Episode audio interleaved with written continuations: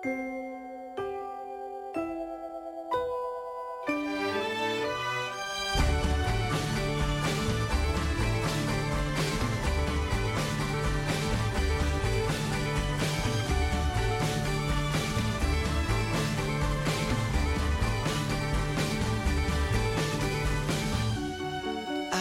lóns máis damos a benvida no Diario Cultural Alba Cid. Que tal, Alba? Moi bos días. Que tal, Lucía? Bo día. Hoxe ademais para comentar unha novidade que nos chega de, da man de Chanda Pólvora que é Palmeiras e Piueiros de Anxo Angueira, non?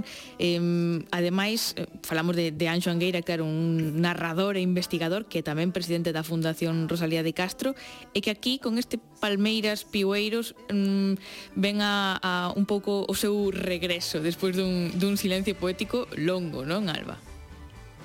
Pois sí, eh, bueno, realmente non será novidoso non para boa parte das ointes e dos ointes.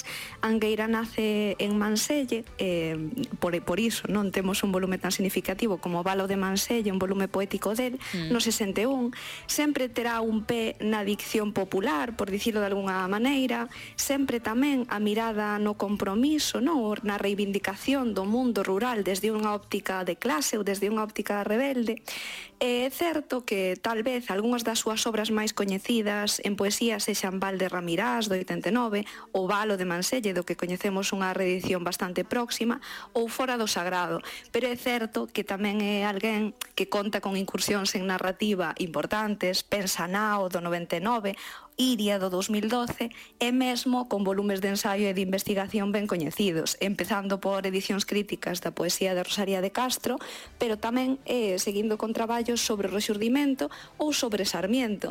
Eh, podemos ir anunciando xa que Sarmiento, o exemplo e o facer de Sarmiento planean moitos destes textos. Mm. Eh, de alguna maneira, este retorno podería considerarse tamén unha especie de suma poética, non? Ou unha perspectiva poética global global do seu facer último. Por que? Porque imos a topar textos inéditos, longos, sobre todo na primeira parte, moi representativos da súa poética, desa oralidade e audición popular que vos anunciaba, tamén do seu gusto por certa intertextualidade, poemas que semellan escritos moitas veces para unha dicción, non? Ou un recitado moi torrencial que o caracteriza. Logo temos unha segunda parte de poemas lidos en actos de homenaxe, fundamentalmente políticos, política, por veces tamén poemas de circunstancias, e tamén temos, ao longo de todo o volume, innumeráveis homenaxes a poetas de diversos tempos e de diversas tradicións poéticas que van artellando moitos dos poemas deste libro. Todo isto péchase cunha serie de contornas que acaban de arroupar, non? ou que acaban de darlle sentido a este regreso poético. Mm. E temos aquí mm, Palmeiras, Piueiros, a verdade, un título mm, que é moi moi suxestivo, tamén moi rítmico. Plantarnos no, no poemario, Alba, podemos tal vez eh, probar abrir ese díptico comezando polas Palmeiras?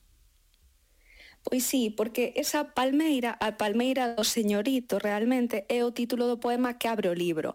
Eh, é curioso que se escolla ese ente vivo, a palmeira, e que se faga del un símbolo ao mesmo tempo.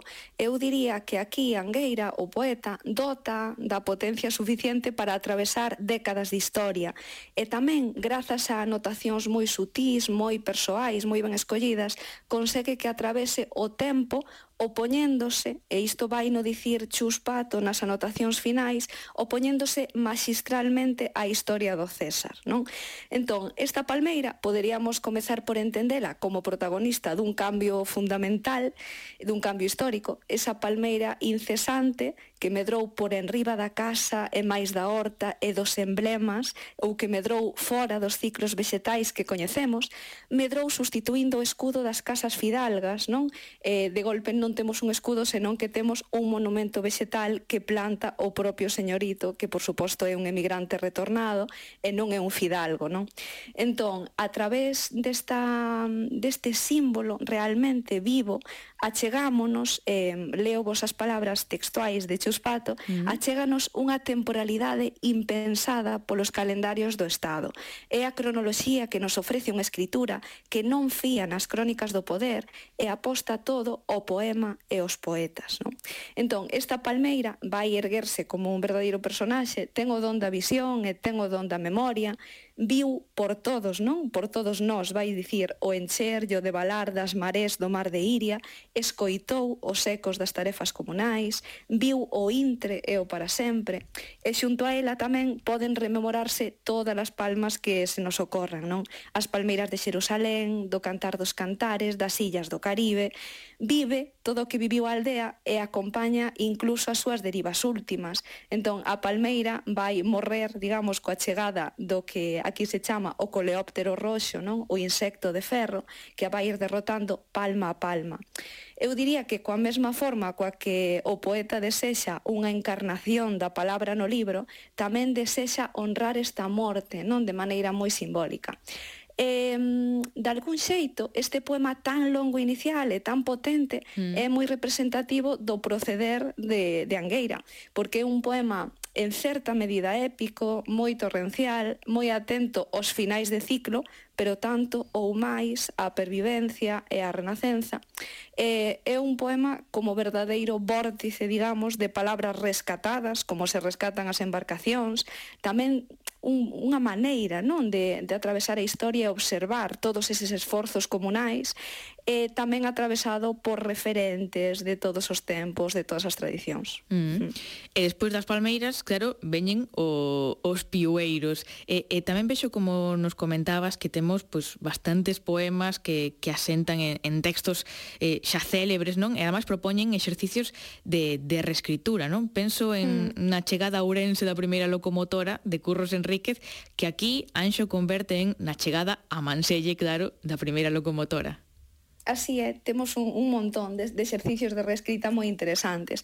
Eh, para non deixar atrás os pioeiros. Mm. O pioeiro, leovos, como persoa de interior que son, sí. eh, é a primeira pedra ou pandullo que encabeza o fondeo de algunhas redes, especialmente a da volanta. Esa explicación a pé de páxina que nos ofrece o propio autor. Uh -huh. Entón, trátase dun termo recuperado polos mariñeiros da Guarda, que segundo el sinala, tamén se recuperou para renomear unha embarcación tradicional. Eh, que acontece cos pioeiros? Igual que a palmeira, eh, ese ente vivo non que acaba acompañando o, a vida dunha, dunha aldea e tamén morrendo non e observándose como morre, o pioeiro aquí convértese nun símbolo. É unha especie de primeira pedra fundacional, pedra fundacional, pedra cabeceira que dá rumbo, que afirma, non? Vai chegar a dicir pedra, pandullo, poutada, maravillosa vida marítima moderna que largamos ao mar como unha marca a 20 millas da terra a un cento de brazadas do fondo. Eh, a, a, a máis do pioeiro, non? A, a parte disto, deste pioeiro que parece que orienta todo, non? Que parece que non salvan dicionario ningún, dicionario ningún de non ser a xente. E temos tamén o que comentabas, Lucía, unha intertextualidade moi potente. Hai un montón de traballos de reescrita e estes traballos sempre asentan na abertura e na suxerencia, Penso, por exemplo, nun poema moi coñecido que é Liberté de Paul Eliard, eh, sobre o que se escribe o último poema deste libro, que é Hortelín de Roxiña, ou penso nese caso, no caso de coller o poema da locomotora de Curros e traelo neste caso a Manselle, non? Mm. Entón, que se fai? Acompáñanse aspectos do texto original, fai que reverberen moitísimas personaxes e moitísimos outros poemas, por aquí detrás está o poema Mujer con Alcuza de Damaso Alonso, ben coñecido tamén, Andas Sarmiento paseando tamén nas súas viaxes a Galicia do 1754 por este poema e sobre todo, isto é o máis relevante, resignifícase, non? Eh, os poemas que se escollen resignifícanse. Entón, o tren que efectivamente chegaba a Ourense no poema de Curros, neste caso non chega. Quero dicir, no caso de Dodro, o que aconteceu é que pasou en viaduto sobre Dodro, non? Entón é un tren que pasa sen parar, sen asubiar, por riba do monte, por riba do río, por riba de todas as sepulturas. Son moi interesantes as escollas intertextuais de, de Angueira e é moi interesante o potencial hmm. que, mm que conlevan, non? Mm. Pois hoxe comentamos este Palmeiras Piueiros, que é unha novidade de, de Anxo Engueira que edita Chanda Pólvora. Tamén engadir así eh, brevemente que o, este volume tamén se pecha con, con autopoética asinada polo propio Angueira, tamén unhas eh, notas asinadas por Chus Pato e unha entrevista de man de, de Xavier Cordal. Eh, Alba Cid, moitísimas grazas, como sempre, polos teus comentarios.